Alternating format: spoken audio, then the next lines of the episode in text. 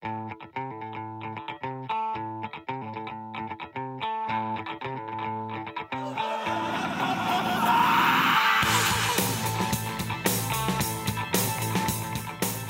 og velkommen til en ny episode av Filmfrelst, podkasten til montasje.no. Jeg heter Lars Ole Kristiansen og sitter her på Skype sammen med Pernille Middleton.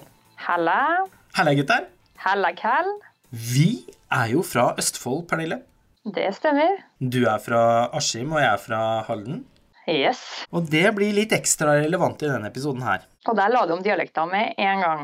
Ja, og jeg er litt usikker på om vi skal fortsette sånn, men eh, Jeg klarer, jeg klarer ikke det, men det er veldig flott, da. Ja. Det er en grunn eh, til at eh, det har så stor betydning at vi er fra Østfold i akkurat denne episoden, fordi vi skal snakke om Kids in Crime. TV-serien skapt, skrevet og regissert av Kenneth Karlstad. Og derfor er jo dette å regne som en såkalt seriefrelst episode. Eh, Hvor skal vi begynne, Pernille? Jeg er da vokst opp eh, i Halden og hadde min ungdomstid her på eksakt det tidspunktet denne serien foregår, nemlig i 2001. Da var jeg 16 år. Ja. Jeg er vokst opp i Askim, har familie fra Skjetve og Trøgstad og Askim, så jeg er fra indreste indrefileten av Østfold. Jeg var eh, vel ni år da denne serien utspiller seg, så min ungdomstid hadde ikke akkurat begynt. Men eh, den begynte tidlig, for det gjør den gjerne når du er fra Distrikts-Norge. Og jeg reka mye rundt i både Fredrikstad og Halden da jeg var ung. Eh, og så hadde vi jo dette store til felles med svenskegrensa. Så vi ble jo trukket eh, sørover mot byene deres eh, i stor, stor grad. Så jeg føler en sterk tilknytning til kanskje spesielt Fredrikstad, men også litt Halden og Sarpsborg, da. Ja, og spesielt eh, Halden, selvfølgelig, er jo de som ligger nærmest Svinesundsbrua. Og det er jo da også en viktig referanse i Kids and Crime, i likhet med så innmari mye annet. Jeg tenker vi nesten bare må begynne med åpningene, som er en helt uh, vill montasje med Y2K-estetikk i noen av de mest vidunderlige mengdene jeg kan huske å ha sett, i, i norsk sammenheng i hvert fall. Ja, altså Det er jo en eh, montasje som er rett og slett en skikkelig deilig tidskapsel. Jeg følte plutselig at jeg satt hjemme i stua og så på det gamle TV-apparatet mitt. På gamle TV 2-sendinger, nyhetssendinger. eh, Den beste perioden i Hotell Cæsar, når det er stå på som voldsomst med August og, og Georg. Ja. Så nei, herregud, her har han virkelig eh, kost seg i arkivene og funnet fram noe av det aller, aller feteste fra TV i 2001. da. Ja, og mm, veldig Altså, det er jo en TV-serie produsert av TV 2, dette her. Og det er også veldig mye TV 2 da, i, i den montasjen. Men de hadde jo også de saftigste debattprogrammene og sånt på, på 90-tallet. Man minnes Holmgang og Holmgang, ja. ja. Å, det var, det var tider, det. Ja, det er et helt utrolig morsomt klipp der hvor det er en eh, aldrende dame, åpenbart fra Haugalandet, som sitter og snakker om at ungdommen de begynner ikke på hasj i dag, de går rett på ecstasy. Og på speeden. Og på speeden. Nei, men jeg elsker at han begynner med dette her, fordi at eh, det er akkurat som vi starter hele serien med å få en nostalgisk følelse.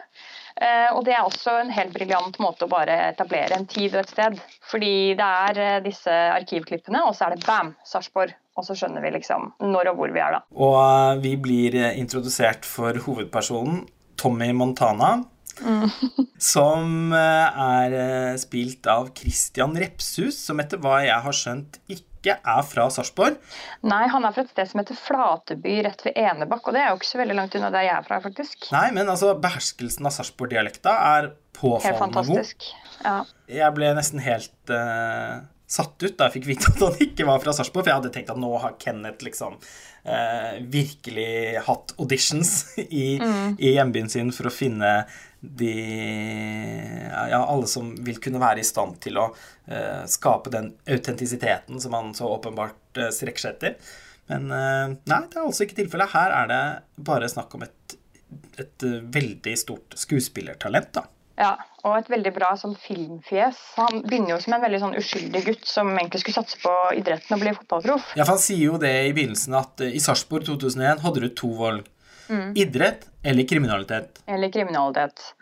Enten eller. Og fordi at uh, kneet går til helvete, så, så, så, ender han opp med Kriminalitet. Men han ser veldig ut som den gutten, føler jeg, fra ungdomsskolen som uh, skulle satse på idrett. Ja. Og så ja, får han jo en transformasjon, og han snauer skallen og får et par blåveiser, og da ser han plutselig ut som som den lille gangsteren han blir. Så jeg synes han har en veldig bra look. Uh, og her er det også veldig mye kudos til uh, kostyme og sminkørene. Ja, kostymene her er jo bare umiddelbart uh, ikoniske. Uh, signert uh, Bella Leikanger Mork. Ja, her har de gått sånn ekstremt grundig til verks og bare funnet tilbake til alle, alle slags skatter som man skulle tro er borte for lengst. Og så lykkes de med å gjøre at det fremstår skikkelig kult. Ja. Nå er jo Y2K-estetikk tilbake i motebildet igjen sånn på ordentlig. Det hadde jeg egentlig aldri sett for meg at var mulig. Men når jeg da virkelig har boltret meg i originalene i Kids and Crime eh, de siste par ukene, jeg har sett hele serien to ganger, så kjenner jeg jo virkelig på at, eh, ja, at det kanskje er en mening i det. Mm. Og sånn sett veldig passelig og betimelig at eh, han kommer med serien sin nå, da. Fordi den, som du sier, det, jo, har jo ikke vært mer inn enn det er nå. Og nå er det plutselig liksom sånn kult å ha den stilen og være fra Østfold. Ja. Altså, Aldri i min villeste fantasi hadde jeg trodd at det skulle skje. Men uh, ja, nå sitter vi her og tenker det litt, da. ja, men det er helt magisk. Altså, timingen sinnssykt god, åpenbart. Men dette føles jo ut som Østfolds store oppreisning. Mm. Og da særlig sånn Sarpsborg, Halden regionen, føler jeg. Fredrikstad har jo på en måte fått sitt eh, via Harald Svart. Og da tenker jeg at eh, Kenneth Karlstads Sarpsborg vil jo for alltid da kaste en skygge over det Fredrikstad, som, som folk har fått tilgang til gjennom TV og filmkultur eh, her i landet. Ja, jeg kan også si nå at nå velger jeg Sarpsborg. ja, altså, det, jeg, altså Faren min er fra Sarpsborg, og uh, størsteparten av min familie er derfra, så jeg har uh, vært der veldig mye gjennom oppveksten. Og det er ikke noe tvil om at det gir en merverdi til serien. Da. Og jeg har snakket med mange av mine gamle Østfold-venner eh, om Kids in Crime i løpet av de siste dagene. Og ikke bare er alle helt i fyr og, og flamme over at dette nå eksisterer som et kultobjekt, mm. men eh, eh, føler virkelig at, at, serien lykkes med å være spesifikk på en måte som gjør at ja, at det blir litt identitetsskapende for en som, som er herfra, da. Bare så det er sagt, så vil denne serien være engasjerende uh, for alle. Det er ikke Og det fins jo mange steder rundt omkring i landet som har veldig mange av de samme trekkene som ja. Østfold har. Men likevel så syns jeg uh, Kids in Crime har noen, noen drypp av en hel masse greier som du må være fra Østfold for å catche. Ja, helt klart. Men, men det, det, som du sa først der, som jeg også har tenkt veldig mye over, er at, eh, og som jeg setter ekstremt pris på ved serien, er at den favner egentlig ganske bredt og blir en sånn universell fortelling om det å være ungdom. Eh, og i Distrikts-Norge da spesielt. fordi akkurat sånn å vokse opp i Oslo vil nok være ganske annerledes, og det har vi nok av content om fra før. Ja, er, Vi har jo sett reprise. Ja, og vi har jo sett Skam, og vi har jo sett ja. uh, litt av hvert. Men, uh, men det har jo også En ting jeg liker veldig godt, er at det har blitt en sånn greie med å sette Distrikts-Norge litt sånn på, på kartet òg når det gjelder uh, kultur og underholdning. Og vi fikk jo altså Rådebank ble jo dritpopulært, som også er sånn Distrikts-Norge-saga. Og nå da endelig med Østfold også, så jeg er veldig sånn takknemlig for at Kenneth Karlstad tok det ansvaret. Og han var jo definitivt rette mannen til å gjøre det også. Ja. Men historien er jo ikke nødvendigvis så østfoldete av seg. Den kunne jo sikkert vært utspilt veldig mange andre steder med de samme type problemstillingene. og For ikke å snakke om altså, ungdomskriminalitet og, og, og dop men som du sier, det er, det er liksom detaljene og, og locationen selvfølgelig som gjør det såpass eh, spesifikt og, og, unikt. da. Ja, At de shady typene holder til på bede like ved ja. Ja. Et av Norges styggeste byggeverk. At han søker jobb eh, på Tommy Montana da, søker jobb på Rick Bar. Å, Rick Bar! ja, jeg har spist uh, min andel burgere derfra, og min far har fortsatt liksom drømmer om om det etablissementet. Å, kunne vi ikke stoppa på Rik Bara? neste gang vi skal til Sarpsborg i forbindelse med noe familieselskap. Eller, ja. Det er en scene der Freddy Helvete, antagonisten, spilt av Jakob Oftebro, han har skaffet seg en, et sånt slags blåserør Ja. med noen små piler. Og de pilene kaller han for tunefluer. ja. Eh, send over de der tunefluene. Tuneflua, ja. Hvis du aldri har vært uh, i Sarpsborg om sommeren, så aner du ikke hva for noe faenskap det er for noe. Men det er vel den jævligste formen for mygg i Norge. Å, det er vondt, ja. Det, det kom til Askim òg, kan jeg love deg. Det, Ja. det og den jævla hjortelusa. Hjortelus, den er den, Sånn tar vi ikke i Halden. Vi har ikke tunneflue eh, heller. Men eh, det er bare 20 minutter eh, nordover, så, Ja. så, så, så er den der. Eh, Det at de kjøper hus i Skjebberg, dette utrolig uhyggelige Ja, så klemt mellom Halden og Sarpsborg, eh, med et sentrum som kunne liksom vært fra Motorsagmassakren. Ja, det kunne det faktisk. Det ser ganske hyggelig ut. Og det, også, det har de også vært veldig flinke til å fange. altså Det ser jævlig grelt ut, alt sammen. Og det at de drar på Svinesund og kjøper blå klubber Nå bruker de jo disse blå klubbene strategisk da, i dette narkomiljøet for å skjule at de egentlig knasker på hypper her. Eh, Rohypnol-tabletter. Ja, for det er det som på en måte binder dem sammen i tiden. Det er jo denne Rohypnol-bølgen som, eh, som var litt forbi da jeg ble ungdom, tror jeg. Da var det mer eh, hasj som gjaldt. Men uh, utrolig fascinerende at alle gikk rundt. Det var så lett å spotte de som, uh, som gikk på det, tydeligvis, da, siden man ble blå og grønn på tunga. Ja, og altså, Denne fortellingen er jo da basert på Kenneth Karlstad sine egne opplevelser. Jeg tenker det er redelig å si at vi begge kjenner eh, Kenneth. Men eh, det påvirker ikke vår vurdering av serien. Det som heller påvirker for oss, er vel kanskje det at vi faktisk er fra Østfold. Og vi ja, ser på utrolig grundig arbeid som er lagt inn i å få det til å være altså, så location-fast. da. At Ja. det føles så østfoldsk som det gjør. Ja, jeg tenker at der er vi begge litt kjøpt og betalt.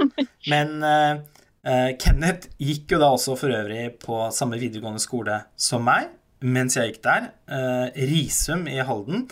Han gikk på den berykta byggfaglinja.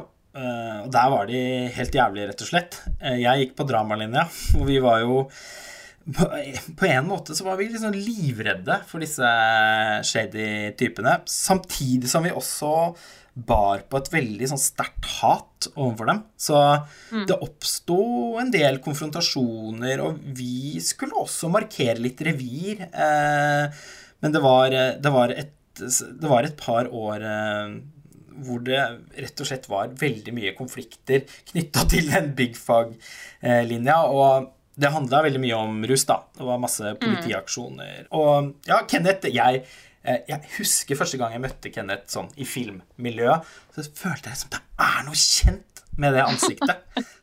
så var det en skolekatalog noen år etterpå som avslørte det, i og for seg etter at Kenneth selv hadde påpekt at han hadde gått på Risum og på byggfag. Jeg tenkte jeg shit! Det, nå, det, det var som om noe bare gikk opp for meg, og så så jeg bildet i skolekatalogen og bare wow! Ja, Det må ha vært litt av en oppdagelse. Veldig morsomt. Og jeg aner ikke hvordan det gikk med mange av de, de folka der. Jeg mistenker at det ikke gikk eh, like bra med alle sammen. Og det har Kenneth snakka om eh, i intervjuer og sånn i forbindelse med lanseringa av serien nå, at i det miljøet som blir skildra i Gids and Crime, så er det jo ikke alle som lever lenger. Og den personen som på en måte da har vært modell for den andre hovedkarakteren, Paul Pott, mm. han tok livet sitt Og så er det vel flere av karakterene her som eh, er satt sammen av for diverse andre ekte folk. Bare sånn for å skape en liksom blanding. Ja, for Tommy er Kenneth, Paul Pott er hans eh, nære venn, som ikke lever lenger. Mm. Og så er de andre basert på ulike Og typer. diverse. Ja. Så det er vel på tide da at vi introduserer eh, Paul Pott som karakter. Han eh, er spilt av Martin Øvrevik. Han er vel fra Sarpsborg, tror jeg? ja. Det, jeg leste et intervju med han faktisk, at han, han er fra Sarpsborg, og det her er jo hans første, eh, første skuespillerjobb, og, som også er helt sykt. Ja, han eh, er i likhet eh, med Christian Repshus innmari god. Ikke så rart at han har overbevisende Sarpsborg-dialekt, men han har også et ansikt som eh, som liksom brenner seg inn. ja, I likhet med kostymedesignet så er castingen her slående. Ja, det er helt uh, sinnssykt. Altså, det er noe med, liksom, som jeg sa det, uh, om han Christian Repshus tidligere òg, det samme gjelder med Martin Øvrik. Han har et eller annet sånn utrolig fascinerende filmfjes som passer veldig godt i serien, og da spesielt til denne Paul Pott-karakteren, som uh, har ADHD og sliter med mye sinne og er en adrenalinjunkie. Han, liksom, han, han er veldig sånn eksplosiv type som bærer på veldig mye. og det er bare noe med måten han eh, projiserer det, og måten han er eksplosiv på i scenene, som er, som er, utrolig troverdig. Han gjør en skikkelig, skikkelig, skikkelig bra jobb. Ja, og um, han er jo da en gammel kompis av uh, Tommy, men så har de glidd litt fra hverandre etter at uh, det ble klart at uh, Paul hadde ADHD, og han har jo da vært en sånn skikkelig urokråke, og til og med foreldrene til Tommy har snappa opp da, at han eh, eksperimenterer med droger. Røke, rø, har ikke han begynt å røke hasj, sier mora, mora til Tommy. Ja. Driver du og henger med han Pål, eller? Hørte at han begynte å røke hasj. Pål Pott? Pål Pott. Men uh, etter at uh, Tommy må legge vekk idretten og ikke lar seg friste av å spille golf Det er også en veldig morsom detalj, fordi ja. Sarpsborg er jo en kjempestor golfby. Faren min spiller golf. Det gjør også alle de tre brødrene hans. Og de har vokst opp eh, tvers over gata for eh, golfbanen på Oppsund. Altså, Er det her en Østfold-greie? Fordi det er det i Askim òg. Vi har gigantisk golfbane, og vi hadde golfklubb. og det var, så, det var, liksom den idretten som de som ikke egentlig vil drive med idrett, gikk til. Yes, samme her, du. Men det vil jo ikke Tommy. Men altså, det der med at det blir liksom lagt fram som et så selvsagt forslag, det mm. føler jeg òg er en sånn eh, regional detalj, da. Det er kjempemorsomt, fordi hvorfor i helvete skulle det være en god erstatning, liksom? Ja, så sinnssykt dårlig forslag! Jeg forstår han utrolig godt, jeg. Ikke faen! Nei. og ja, han, han, må søke spenning andre steder. Og gjenforenes da med barndomskompisen Paul Pott. Det er i og for seg da en helt utrolig god scene, som er et flashback, der læreren til Paul ber ham gå på gangen for å fortelle klassen om at ja, han Paul eh, han har en eh, liten hjerneskade som gjør at hvis han er litt urolig og plagsom, så ja, Hvis han er litt slitsom, liksom? Uff. MBD, Minimal Brain Dysfunction, er det vel eh, det står for. Mm. Jeg husker jo innmari godt at det var flere som, som fikk den diagnosen på barneskolen. Uh, og at vi umiddelbart uh, omtalte det som 'maximum brain damage'. Fy faen.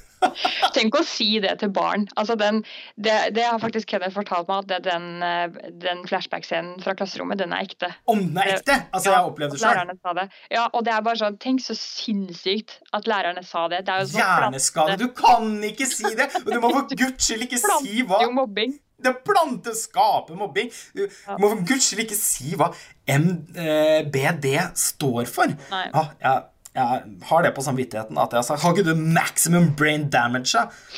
Og det har jo prega Pål resten av livet, at han har blitt mobba for å være hjerneskada. Så det er klart han ble jo en sint gutt, som, eh, sint og frustrert gutt som eh, ja, ikke visste hvordan han skulle ta dette sinnet sitt utover. Og så skaffer han seg uvenner, da. Ja. Og um, så begynner Altså, etter denne prologen er, eh, er ferdig, så blir vi kastet inn i en scene der Tommy Montana humper på krykker opp eh, til eh, en skolegård. Og det er en, altså umiddelbart en ikonisk scene. Det er noe av det beste jeg har sett i norsk fiksjon med låten Superduper Fly, Bring the Base Up to the Top. så jævlig bra! Ja. og, og, en eh, sånn horde av jenter som tripper rundt han og skal være sånn fredsmeglere. Ja, du går på krykke, liksom! Tommy! Ja. Han er dritsvær! Det! Det var som å være tilbake. Ja. Ja, Da den scenen kom, så skreik jeg, for det var som å se en blåkopi av den skolegården jeg hang i sjæl.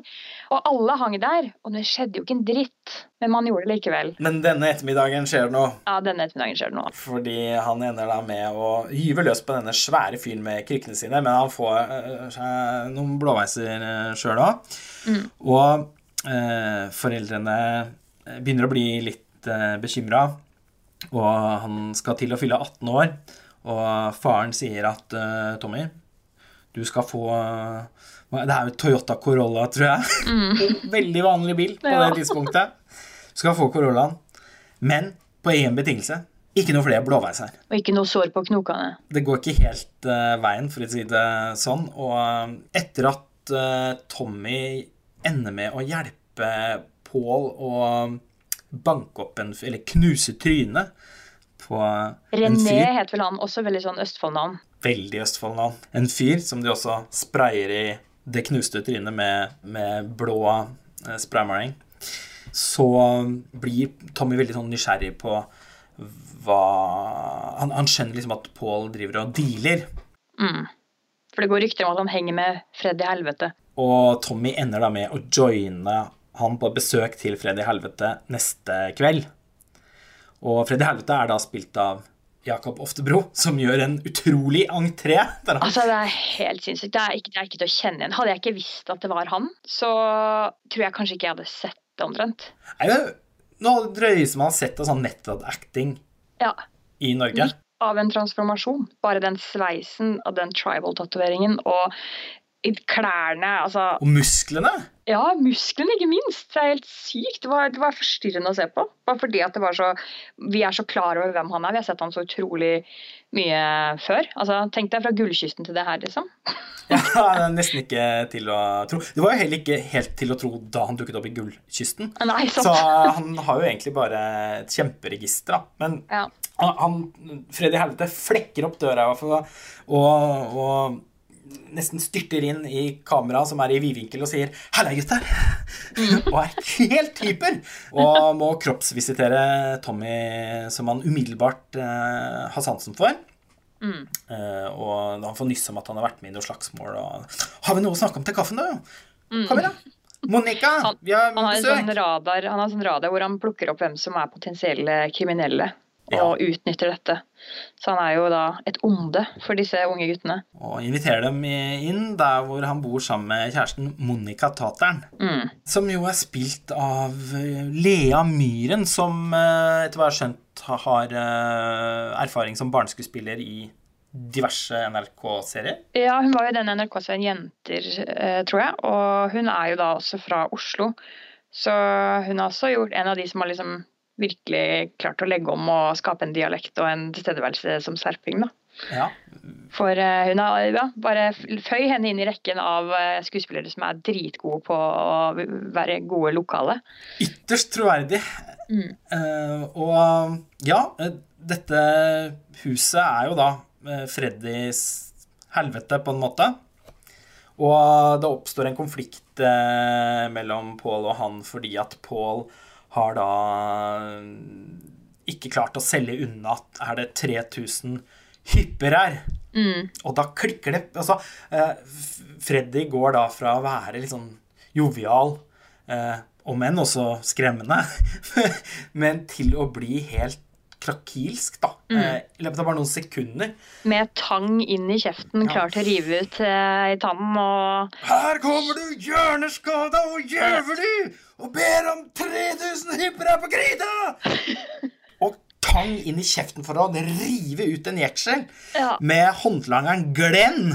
Som holder rundt krise. halsen på, på, på, på Glenn i og for seg var en veldig skummel eh, fyr.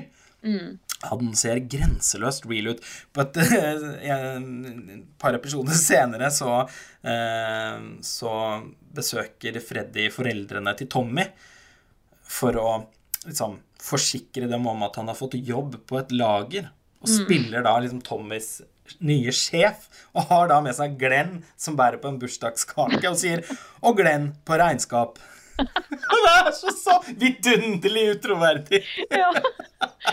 Altså, Jeg håper det er meningen at den serien her skal være så morsom, for jeg lo så mye av, av alt det du nevner der. Det er Ja. utrolig mange sånne komiske høydepunkter. mennesket som har laget dette, har jo veldig god humor også rundt bordet. Så Ja.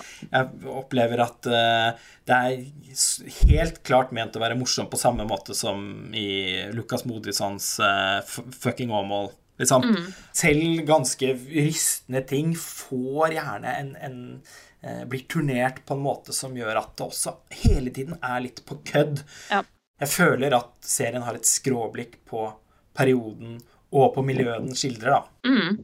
Og så har det sikkert eh, blitt altså Det må ha blitt så Han, han har lyktes så godt med det fordi at også er masse selvironi her. Altså Han vet jo å le av sin egen fortid og, og, stilen vi alle hadde, og vi kan også se tilbake på dette her og le, liksom. Og tenke at vi også hadde på sånne type klær, eller hørte på sånn musikk, osv. Så ja, helt utrolig god bruk av 2000-talls-trans her eh, på Lucas Modison-nivå. Det er ja. åpenbart at særlig Lilja Forever har vært en uh, viktig inspirasjonskilde for musikkbruken, og det er jo kanskje den filmen jeg vet om med aller best bruk av Eh, av populærmusikk. For bruker å snakke om blandingen av svensk dansebandmusikk, som også er en veldig viktig eh, del av eh, hva skal man si, musikkstilen i Østfold. Det er jo det de gikk aller mest i min ungdomstid, var liksom sånn reggaemusikk som Eddie Medusa og litt Lasse Stefans og sånt. Og det skimter også til her, kanskje spesielt i de scenene hos Jimmy Terning, som er da stefaren til Freddy. Mm. Der er det også som om maska til serien faller litt, da. Fordi de syns jeg er skikkelig, skikkelig fæle og veldig gode. Ja. De scenene der skaper en forståelse for at uh, Freddy har blitt som han har blitt. holdt jeg på å si. Ja, alle har liksom sin historie og kommer fra et sted, og det er selvfølgelig ikke alltid stuereint. Og det er det jo virkelig ikke i Freddy Helvete sitt uh, tilfelle. Han har jo en, en abusive stefar og en, og en rusmisbrukende mor. Og det er jo ikke en god kombo å vokse opp med, selvfølgelig. Så jeg er veldig glad for at han inkluderte det alvoret også i serien. At eh, ja, nå har vi snakket mye om at vi sitter og ler mye av serien her, og det er, det er mye som er utrolig morsomt. Sånn skikkelig morsomt. Ja, altså, Det er nesten aldri man ser noe som er så morsomt eh, laget i Norge. Nei, sant, men, men, det kommer også med en slags skyggeside. Da. Det, er en, det er en god balanse her mellom, mellom det, det, det, som er veldig køddent, og det som er eh, alvorlig og, og, faktisk ganske trist. Eh, tidlig i serien nå så helt i starten i, i Tommys overgang, fra han egentlig er en uskyldig gutt til han prøver Rohypnol for første gang, så synes jeg også det er en scene der som er utrolig vond å se på. Det er den når han kommer hjem i rus på natta, og så, så girer han seg opp med å høre på Walkman sin mens han ser på seg selv i, i Eller Discman er det, mens han ser på seg selv i speilet, og så går han tom for batteri. Mm. Og så er veldig, Det er også bare sånn en liten lol. Den, det var en tid hvor vi kunne bare bli, bli kutta midt i at vi hørte på musikk. Og det er sånn tenker vi ikke på lenger, fordi vi trenger ikke å bytte batteri i diskmannen. Og så må han febrilsk finne dette batteriet ned på kjøkkenet, og så kommer moren hans inn og hva er, det du, hva er det du leiter etter nå, liksom? Og så har han jo glemt det, for han er rusa herfra til månen. Og så setter han seg ned ved kjøkkenbordet og ser på moren sin, og så sier han det er ikke noe farlig, mamma, jeg bare, bare morer meg litt med guttene. vet du. Jeg føler meg skikkelig bra, mamma. Bare drukket litt. Ja, men også sier han jo at han har tatt noen piller. Og, han eh, innrømmer det etter et ja, og det eh, synes jeg også er så, det er så nydelig at han, at han også har denne her ekte ærligheten overfor foreldrene sine. Han forteller dem jo ting. Mm. Selv om han ikke sier det med en gang, så kommer det jo fram. Ja, For de har jo i utgangspunktet et tillitsbasert forhold. Ja, og det er det som er så fint, at liksom han er ærlig. Og så ser hun liksom den, den brutale sannheten på, om hva sønnen hennes er på vei inn i. da. Og det er en ganske sånn knusende scene, for det er, det er jo starten på at det går opp for henne hva som skjer med han. Mm. Det er jo selvfølgelig veldig trist å se, fordi hva, hva gjør du som forelder hvis din så bortimot myndige sønn tar sånne valg. Du kan liksom ikke gjøre så mye heller. Nei, og De kan i hvert fall ikke stanse han etter at han har fylt 18, og det skjer jo Nei. tror jeg, i den andre eller tredje, tredje episoden, er det vel, hvor han sier mm. Dere, jeg flytter. Ja. For da bestemmer eh, Paul og Tommy seg for å, å kjøpe Eller kjøpe, sier jeg, leie eh, et hus uh, ute i Skjeberg. Det er for øvrig en veldig morsom scene når de er på visningen her, hvor Pål bare Depositum? Hva er det for noe, liksom? Å! går det an å bli mer serp? sier jeg. ja, det var for øvrig noe vi pleier å si i hallen. Har du blitt et serp i huet, eller? Men også så, morsom, så komisk eh, bevis på at her er det to gutter som aldri har vært voksne før. Ja, veldig. Uh, for å slenge oss tilbake på kjøkkenet uh, til familien til Tommy. I og for seg da et veldig sånn Carl og Co. mot de brøstaktige kjøkken. Altså, det huset der burde jo burde vært på Norsk Folkemuseum. Ja, jeg tenkte akkurat samme. Det huset der er et museum. ass. Med furupaneler og Skinnsofa. Ja, sånn Tore Ryen-estetikk. Og så mange sånne hjem det var òg. Ja. Og hvor mange kjellerstuer i sånne hjem har jeg ikke sittet i om man har klikket seg inn på rotten.com. Ja. For det gjør Tommy når han liksom skal skille den. Og eh, jeg vil anta flere av lytterne våre minnes eh, dette nettstedet som viste bare helt sånn forferdelige ting. Altså et hode som eh, var eh, ja, Så ut som en gryterett eh, etter å ha blitt eh, skutt med hagle. Helikopterulykker.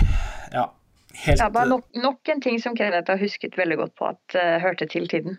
Ja, og søstera hans som da sier Sitter du bare inne, du, eller? Få komme deg ut av det snøfferunkehøla her. og så nydelig hun her òg. Å, så real. Ja. Søsteren som bare er grei, som har fått barn, og hun vil at han skal være fadder, og hun velger å stole på han istedenfor å bare være mistenksom.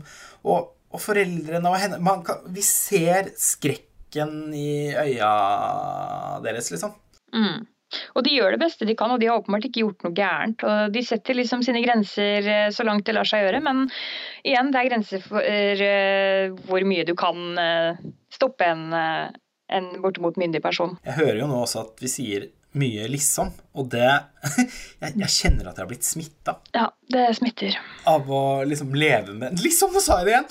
Leve med den serien i to uker. Eh, Altså, neste Filmfrelseepisode nå, så, så blir det brått med Østfold-dialekt, vet du. Ja, det blir jo det, vet du. Det skulle jeg likt å Tenk så morsomt det hadde vært. Eh, I denne episoden her så skal vi preke litt om eh, nye Sight and Sound-kåringa og Jean Dielmann til Chantal Akermann. Som noe Må prøve å beherske deg litt, da. Ja, vi får se. Men eh, de eh, gutta lager seg et eh, kollektiv i, i. Og Freddy Helvete er voldelig mot Monica. Og eh, Monica og Paul Pott de har vært litt sånn på flørteren. Så hun ender opp med å flytte inn i det kollektivet. Også fordi hun har stjålet 10 000 fra Freddy Helvete, som de kan bruke til å betale depositum. Ja. Og da har de jo på en måte gravd sin egen grav hva det gjelder han, da. Fordi han eh, har jo ikke tenkt å la det gå, for å si det mildt. Nei, så Derfor blir det viktig å holde det hemmelig. Ja. Og i tillegg så, eh, så blir de nødt til å eh, selge unna 3000 hypper her på en uke eller noe sånt nå. Eh, vi nevnte jo i stad at eh, Freddy klikker på Paul og eh, kommer med en sånn knipetang eh, inn i kjeften på han og sånn. Og Tommy redder på en måte da den situasjonen ved å bare si Vi tar dem. vi tar dem. Mm. Vi skal selge dem. Så det blir jo på en måte egentlig en litt sånn narrativ propell, da. Iallfall ja. i den første halvdelen av serien. Det er katalysatoren av den største problemstillingen, i hvert fall. Fordi hva skal da disse gutta Altså, det er, det er, Paul Pott er jo ikke den største langeren heller, egentlig, fra før. Så dette er jo, og i hvert fall for Tommy, er det jo et ukjent terreng. Og nå skal de på en uke kvitte seg med 3000 rådgivningsbøtter. Det er jo helt useriøst. og Jeg kjenner ingen som bruker narkotika. Nei. Om det så er bestemora di som skal ha de hipperne, så er det ditt ansvar å selge alle 3000. Jeg tror vi kommer til å klare det. Eh, og dette blir jo selvfølgelig kjempemorsomt når de er nødt til å finne ut av hvem som, som, som kunne være interessert i å rett og slett være selgere, da. Ja. Som skal lokke unge folk til å velge vekk alkoholen, for det er for Ja. streitinger. Nei, det tilbyr en billigere rus som også er bedre for deg, og som, eh, er- ja, som er billigere enn alkohol. Og det blir salg. Eh, som Tommy eh, i sin voiceover sier på et tidspunkt, så blir det eh, hølet ute i Skjeberg der et døgnåpent apotek. Der de som kommer for å hente varer, egentlig aldri ender med å dra igjen. Så det bare er en sånn evigvarende fest. Festbule. Ja. Og en av de som eh, ender opp med å bli en slags fast kunde, det er Marius Fitta. Det får prisen for aller beste kallenavn, syns jeg. Og det er også så gøy at alle har disse kallenavnene. Freddy Helvete, Ma Marius Fitta, Krise. Krise. Ja, Krise. Veldig autentisk, det òg. Veldig Ja. serp. Men i og for seg like mye Halden. Og Askim.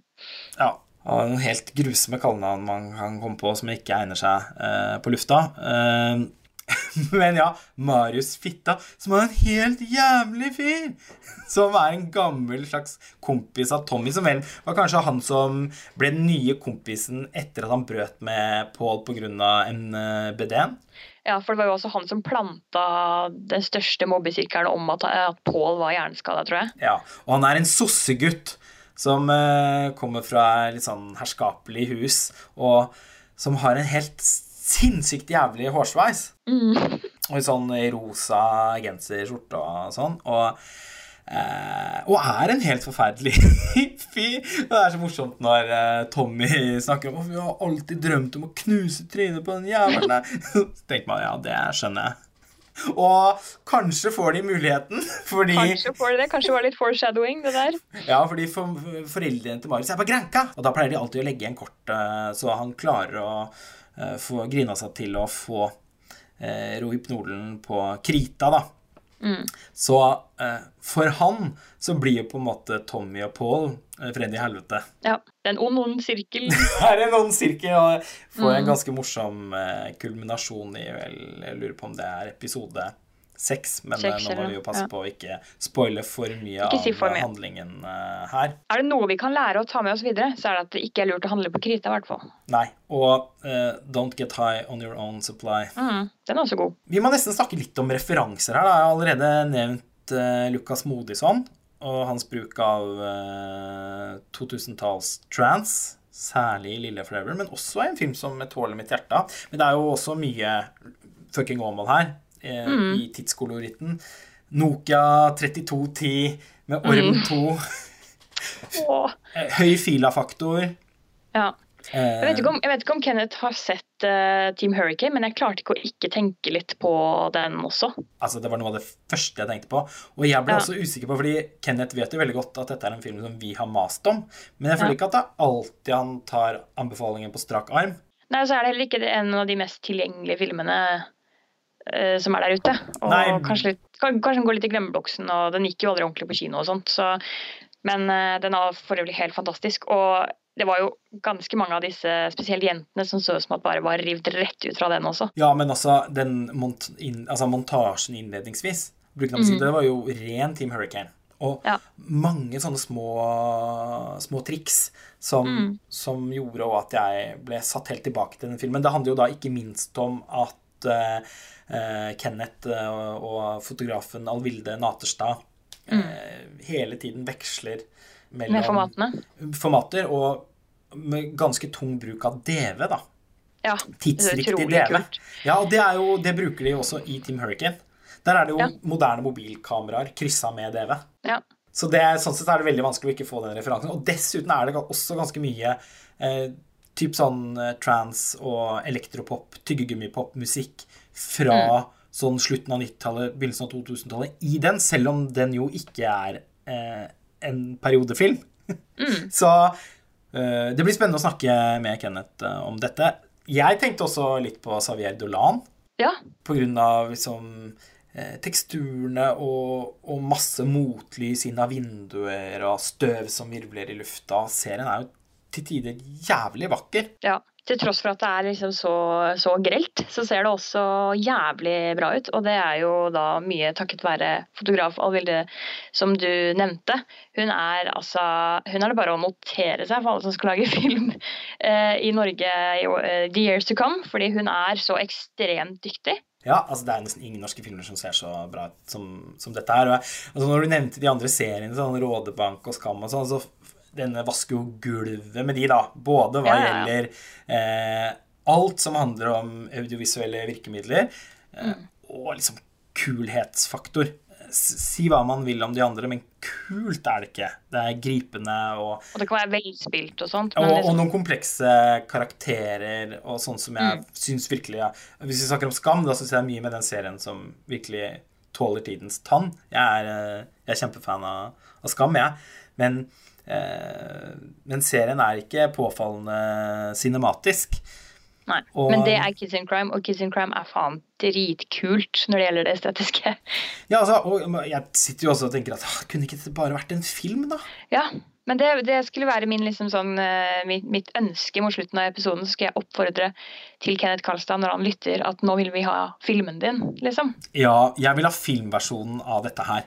Ja. Eh, for det er litt trøttsomt med de 20 minutter episodene som på en måte så vidt kommer i gang, eh, for så å bli avsluttet. Ja, for det kunne like gjerne vært en lang, flytende handling, siden dette her er jo Vi er jo ikke så mange dager med den gjengen. Vi rekker liksom ikke å oppleve så mye. Det er jo en, en slags uh, spenningstopp som utløser uh, en, en, stor hendelse for denne gjengen. Og ringvirkningene av det. Så det er jo veldig sånn dramaturgisk sett så kunne det jo like gjerne vært en film. Ja, og de par siste episodene av serien er også kanskje litt uh, mer sånn Ja, det kan virke litt som at noe lufta er ute av ballongen, på en måte jeg tenker i hvert fall at, at det er noen strekk der som kanskje rett og slett føles litt strukket ut. Ja, og så, og så går den ut på en sånn veldig åpen slutt, som jo er med vilje fordi jeg tipper at han vil lage mer. Men da føler jeg at nesten de må kreve det. fordi jeg skal ikke si hvordan det slutter, da, men det er jo det Jeg trenger å vite hva som skjer videre med de vi har fulgt. Ja. Man blir jo investert i dem, selv om vi er med dem i ganske kort tid. Så jeg merker at nå som jeg har sett serien ferdig, at jeg sitter igjen jeg er veldig, veldig glad i de karakterene her. Jeg har veldig lyst til at det skal ordne seg for dem. Og jeg vil se veien videre, liksom. Ja, jeg har også fått skikkelig hjerte for dem og vil veldig gjerne ha sesong to. Men jeg tenker at øh, hvis det ikke skjer, så kan jeg også slå meg til ro med den åpne slutten. For meg så ville det funka i en film. Altså jeg tenker, Hvis man hadde saksa ned kanskje 20 minutter til sammen Så hadde du hatt en veldig bra film? Ja, på to timer eller noe sånt òg. Ja. Det hadde vært en av de beste norske filmene som er lagd. så, så, jeg håper eh, Kenneth eh, tar oss på alvor eh, her og vurderer muligheten av en filmversjon. Om så bare for å kunne utgi den på fysisk format, sånn at vi kan ha den i samlingen. Mm. Bully av Larry Clark må for øvrig også være en ganske viktig referanse her. Jeg hadde et gjensyn med den filmen i sommer som var skikkelig bra. Den ble tilgjengeliggjort på Mubi, og da i høyere kvalitet enn jeg har vært borti tidligere. Altså, jeg har hatt den filmen på DVD alle år. Oh, så bra gjensyn. og den er jo også satt til akkurat den perioden som Kids in Crime foregår i. Har du sett den, Pernille? Ikke i den gode kvaliteten du refererer til. Nei, nå er mulig den ikke er der lenger, da. Men uh, den er vel kanskje også omsider blitt utgitt på Blu-ray nå. Det har jeg glemt å, å, å, sjekke, for den vil jeg i så fall, så fall ha. Så tenkte jeg også litt på uh, Shane Meadows og hans This Is England og de etterfølgende miniseriene som jeg, som jeg så da de, de kom. Den, for det er også noe litt sånn punkaktig ved ja. energien til, eh, til, Kids in Crime. Jeg har ikke sett det, men tar også med meg det tipset videre. En annen ting som jeg syns er eh, veldig verdt å nevne når det gjelder det estetiske. fordi du var inne på dette her med at de skifter mye mellom formater og sånt. Og det er det som også synes er så interessant med det fotograf Naterstad har gjort. Da, at hun bruker veldig mange forskjellige kameraer gjennom hele serien, egentlig. Og det virker nesten litt sånn vilkårlig hva som er brukt når. Altså Åpningsbildet er f.eks. skutt på 16 mm. Og så vet jeg, for jeg har spurt henne om de, om de forskjellige kameraene hun har brukt. Eh, det var ekstremt mye, så jeg klarer ikke å huske alt hun sa engang. Men eh, hun har brukt et eh, Sony Rialto digitalkamera. Og så har hun også filmet med gamle kameraer som tok opp med VHS eller andre kassetter. Som de da hadde hooket opp til en digital opptaker for å digitalisere det. Altså de liksom hacket den.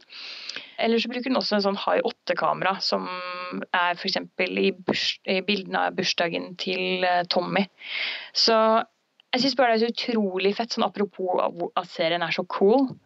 Eh, måten de har lekt med forskjellige formater på her, og liksom rett og slett bare gitt faen i stilkonvensjoner og forventninger. Og her, her blir det, det er det du får, liksom. Ja, og jeg opplever også at det er kunstnerisk valg som er veldig begrunna. Mm. Eh, fordi eh, ja, det er som om eh, både lydsiden og alt det visuelle eh, gir oss tilgang til den energien som karakterene går rundt og bærer på. Og, ja, du blir liksom sugd inn i det på en måte og føler at du er der. De filmer jo mye hverandre og sånn. Og da får man jo en helt spesiell tilstedeværelse i rommet eller bilen eller på gata, kan man si. Ja, og det der at de eh, filmer hverandre, og at det mikses og trikses så mye med forskjellige formater. Og sånn, Det gjør på en måte også at serien unngår noen litt sånn utslitte rusframstillingsklisjeer. Mm. Eh, man har jo sett ymse variasjoner av Requiem for a Dream og Trainspotting litt for mange ganger. Ja, og det er et, et snev av det i et par eh, sekvenser, men på en måte som gjør at jeg sitter og tenker at serien er klar over det og, og, og koster på seg en liten homasj. Ja, men sånn øvrig så er det, det er såpass mye liv og rot og røre i det, den estetiske fremstillingen i serien at uh, jeg tar det òg, liksom. Den kunne så lett ha bare gått for the easy way out, som så å si alle andre serier gjør. Og bare skutt på en sånn flatt digitalt med noe filter. sant? Altså bare sånn Hvor lettvint og billig hadde ikke det vært for dem, da? Dette her er en ekte, Du ser at dette er en ekte utfordring som de virkelig har tatt på strak arm, tatt med alvor. Men altså, Det eneste jeg har sett av norsk innhold for TV som er verdig en sammenligning, er Marie Christiansens 'Delete Me', som hadde premiere i fjor. Den imponerte meg veldig. Men utenom den så ser jo de fleste norske TV-serier veldig televisuelle ut. Ikke minst NRK sine. Så Og så er det bare altså Detaljrikdommen her er liksom helt ustoppelig. Mm. Alle de festsekvensene ute i Skjebbar og sånn. Jeg klarer ikke å se meg mett på alle som sitter i den sofaen og har samtaler som jeg ikke klarer å få med meg halvparten av fordi det blir spilt så høy musikk, og noen liksom kommer i veien for, for kamera. Det er så mye som skjer hele tiden. Og man har så sykt vært borti det samme selv. Eller sånn Jeg har vært i så mange lignende scenarioer og situasjoner som man blir presentert i serien. Man sitter bare og flirer når jeg ser på det, liksom. Fordi det er, så, det er så gøy. Ja, og da i kombinasjon med den tidskoloritten, så blir det også så nostalgisk. Og det er jo rart ja. for en serie som egentlig ja, har et nesten sånn rystende innhold, og som skildrer noen, noen skjebner som er ute etter å knuse hjertene våre på en eller annen måte, da. Så, ja.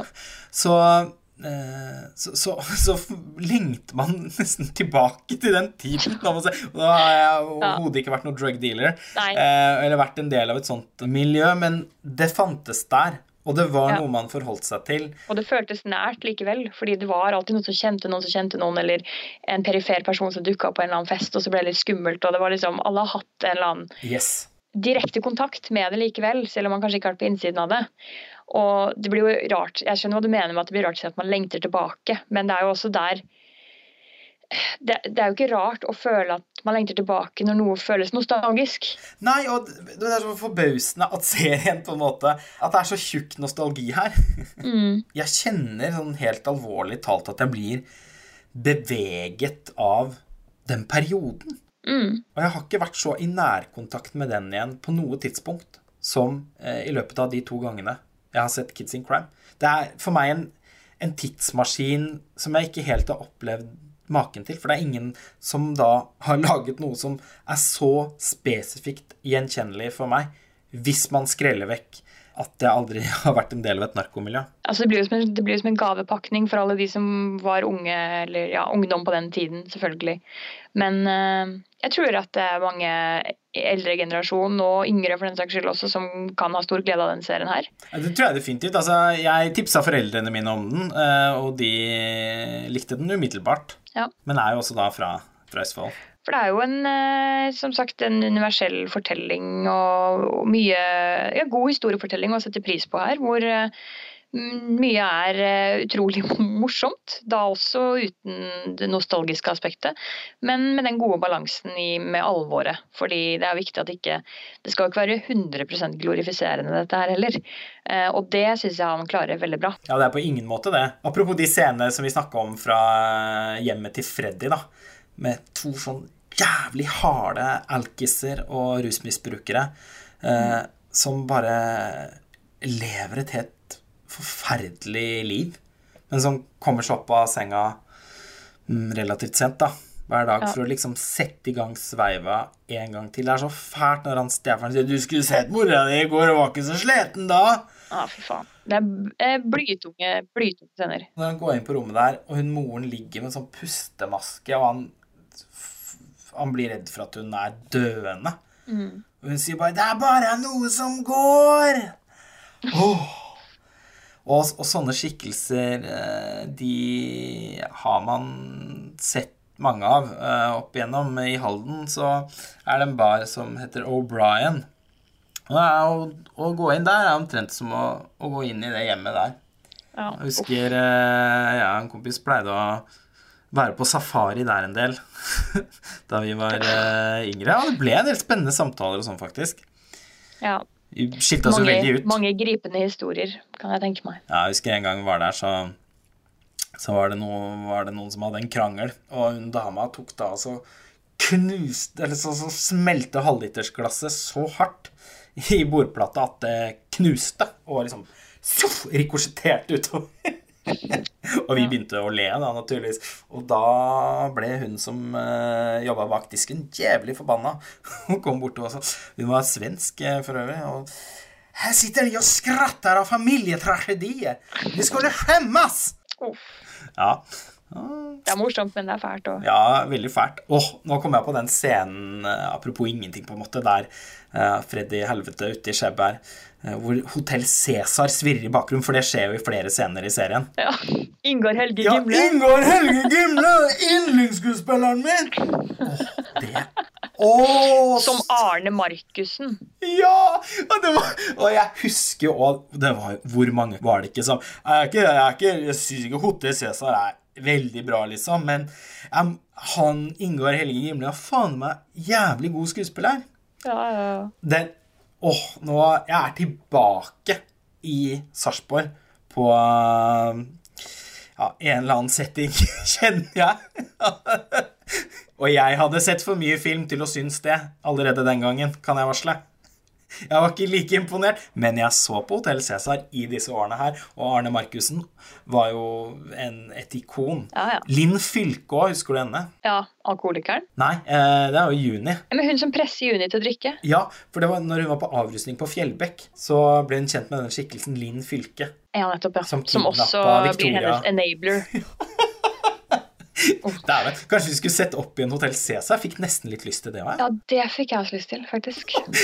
Nå havner vi på eh, ja, Havner på kjøret. På Hotte Crime. Hva er Cæsar. det? Hotte, ja, for det er jo sånn det sies. I hvert fall i Serb. Hotte Cæsar. Hotte Cæsar.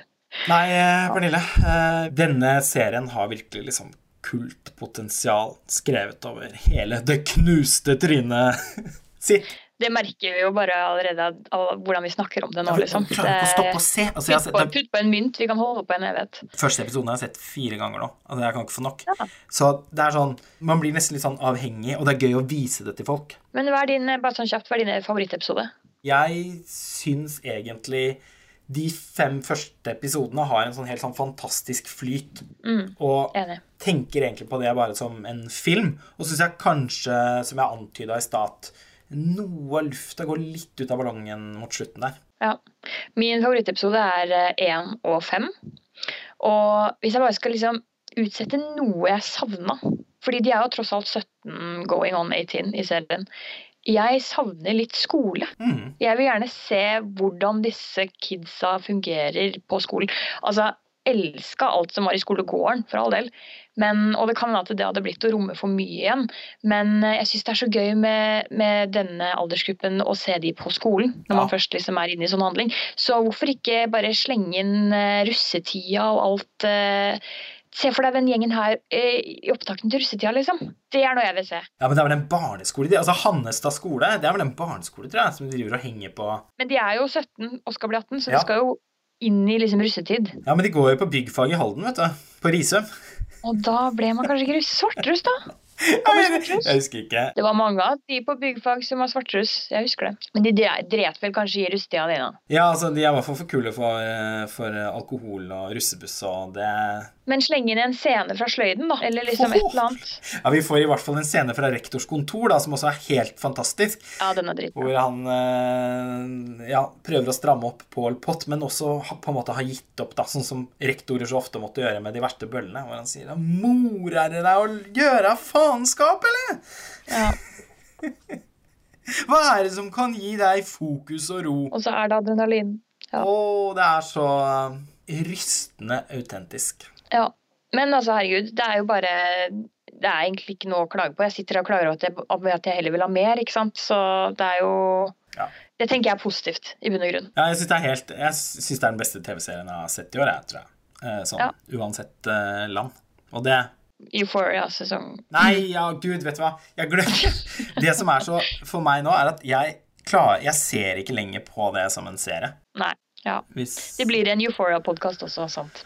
Vi har i lang tid planlagt eh, det, Pernille, og det er selvfølgelig eh, årets beste TV-serie. Men eh, som sagt, jeg føler Altså, det er for meg bare en film. Men jeg sitter jo også og sier at Kids in Crime kunne vært en, en film, og det er jo da åpenbart et kjempe, kjempekompliment, da. Nei, men altså, jeg vet ikke, jeg, jeg har ikke egentlig med det opplagte unntaket av Euphoria 2, så har jeg egentlig kanskje ikke hatt noen sånne serier i år som jeg har blitt skikkelig opptatt av. Jeg syns det har vært mye som har vært kjempebra. Mm. Og jeg veit at du kommer til å elske White Lotus sesong to, så det bare melder jeg nå. Nå er det sagt. Ja, den eh, vet jeg at jeg altså, Men jeg må jo da få sett den første, da. Jeg har vel ikke siden Euphoria gått og gleda meg skikkelig på ekte til mandager, fordi da kommer det en ny episode av White Lotus. Det er altså da en Who Done It og Who Died-serie. Noe så sjelden som det. Veldig, veldig spennende. Altså, man er jo vant til å se det formatet Who Done It, men her vet man da heller ikke hvem det er som har dødd. Så det er sånn dobbelt mysterium. Veldig, veldig bra. Anbefales. Altså, Jeg må jo få sett den første sesongen uh, før jeg gyver løs på den andre. Men det har plinga mye fra deg på Messenger de siste ukene om denne andre sesongen. Så jeg er eh, overbevist. Uh, jeg vet at vi begge har sett den femte sesongen av The Crown, og er vel noenlunde av samme oppfatning. Altså at Ja. det er jo kjempebra, det. Ja, den er flott, altså. Den er, eh, det, er, eh, det, er, det er veldig deilig å se at noe som er så påkosta, eh, leverer så hardt varene også. Eh, Jeg ble jo litt eh, skeptisk da jeg så de lunkne anmeldelsene av fortsettelsen. Mm, ja, for den har jo for første gang fått til dels ganske dårlige kritikker. Ja, altså Jeg er litt enig i at jeg savner Olivia Colman, og jeg synes at hun er på en måte der. For meg er det hun som er Elizabeth i denne serien. Det er enig. Men eh, for meg er dette her starten på Diana og Dodi-sagaen, og det er det som er så kult. Altså med, med bare Chariots of Fire-episoden og Ja, det, uff, den var skikkelig bra. Jeg har jo i tillegg så spesielt nært forhold til den filmen. Jeg føler jeg nesten ingen har, eh, bortsett fra meg. Eh, Det er vel Vangelis, da. Ja. Som gjør seg gjeldende og min eh, også helt sånn spesielle fandom, altså Vangelis-fandom. Men eh, den episoden der, det er vel episode tre, som en slags novellefilm, var jo noe av det bedre jeg har sett av The Ground. Mm. Det er gøy å se faktisk se hvor alle penga går. Ja, altså, den er så dyr, den. Det er jo, den har jo liksom hatt rykte på seg for å være verdens dyreste TV-serie. Nå er den vel slått av den uh, Rings of Power til Amazon Prime, men, uh, som jeg fortsatt ikke har sett. Men man, man kan se at noen har dratt uh, kortet i Prada-butikken. Ja, jeg synes det er en dritbra sesong. Jeg har riktignok to episoder igjen, så jeg skal ikke dømme hele Samme her. Ennå. Men eh, jeg liker veldig godt det jeg har sett så langt. Ja, veldig bra spilt. Det er en bra TV-høst. Ja, altså Never Have I Ever sesong eh, tre også. Ja. Helt nydelig. Tenk at den serien lykkes med å liksom holde nivået. Mm. Jeg tenkte at det kunne bli en av de seriene som hadde en helt sånn strålende første sesong, men som ramla litt sammen etter hvert. Men så langt ikke. Nei, den er fortsatt verdens største sjarmbombe i TV-form. Og den anbefales til alle i alle aldre. Ja, altså. For de som har et nostalgisk forhold til Freaks and Geeks, så er vel dette noe av det nærmeste man kan komme i dag, i hvert fall. Mm. Um, Eller så begynte jeg på Tim Burtons Wednesday da, nå i helgen, og strålende fornøyd eh, så langt. Jeg er veldig glad i Tim Burton fra gammelt av. Det er vel også litt en generasjonsgreie. Mm. Og er egentlig av den oppfatning at han har laget en del bra ting også de senere årene. Eh, Jeg syns Frankenweenie er helt eh, fantastisk, og var også veldig begeistret for den Dumbo-filmen hans, som jeg anser for å være en slags trojansk hest. Den er jo da laget som en sånn Disney-remake innenfor det systemet, men det er egentlig en kritikk av det. Ja. Jeg har ennå ikke sett den Dumbo, faktisk, men den eh, er på lista. Nei, ja, det, altså, Luca Guadagnino har løfta fram den filmen i et par sammenhenger. Og eh, Nei, det er ikke Altså, jeg ble slått i bakken av hvor ond og mørk den eh, filmen var. Likte jeg kjempegodt. Uh, og jeg har også funnet glede i Miss Peregrines School for Peculiar Children. Mens Big Guys for eksempel syns jeg var helt krise. Så det er ikke uh, Jeg er ikke blind for at Burton kan tryne en gang iblant, men Wednesday det må jeg si, storartet uh, young adult-underholdning. Og egentlig òg da litt sånn som Dumbo. En slags sånn uh, satire over den sjangeren. Og med en morsom miks av liksom Det er litt sånn True Blood møter uh, Harry Potter. Og selvfølgelig Adams Family. da. Veldig begeistra. Men det kan jeg komme tilbake til i en annen episode. Jeg må se flere episoder før jeg kan på en måte si noe mer. Ja, det vil jeg gjerne høre deg gjøre en egen episode om, fordi jeg vet jo at du er så ja, allerede tidlig begeistra. Mm, mm. Og positivt overraska, på en måte, etter ganske lunkne anmeldelser? Nei, bra, bra TV-år eh, så langt, syns jeg. Og når jeg ser tilbake på 2022, så kommer Kids in Crime til å ligge høyt der oppe blant favorittene. Ja, rett og slett. Nei, men eh, Pernille, vi får nesten ta å runde nå, vel? Før vi blir helt serp i huet her. Før vi blir helt serp i huet. Vi prekas senere. Prekas, ha det. Prekas. Ha det. Ha det.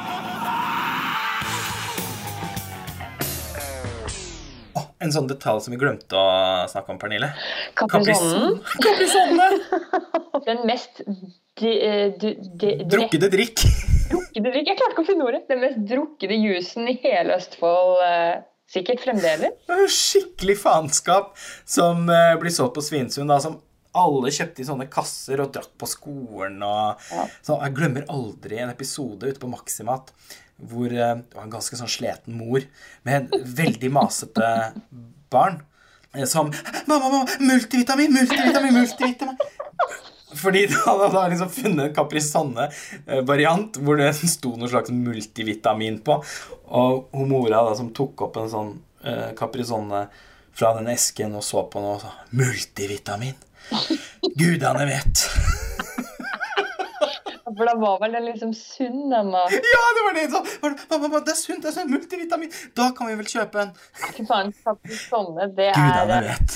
Det er tidskapsel, det. Herregud. Det, er det. det finnes jo fortsatt, men jeg bare har sånn utrolig klart minne av de papp, avlange pappeskene. Og så mange du klarte å bære, på en måte, som du tok med hjem. Måtte stokke opp da over vinteren med Caprisonne og sånn. Neste, neste, gang vi møtes, så skal det kjøpes en Caprisonne, og så prøver man å lage en drink med den som ingrediens. Ja, prøver en sånn Det er bra challenge. Vodka, vodka sonne. Ja, vodka sonne. Der har vi Fy faen.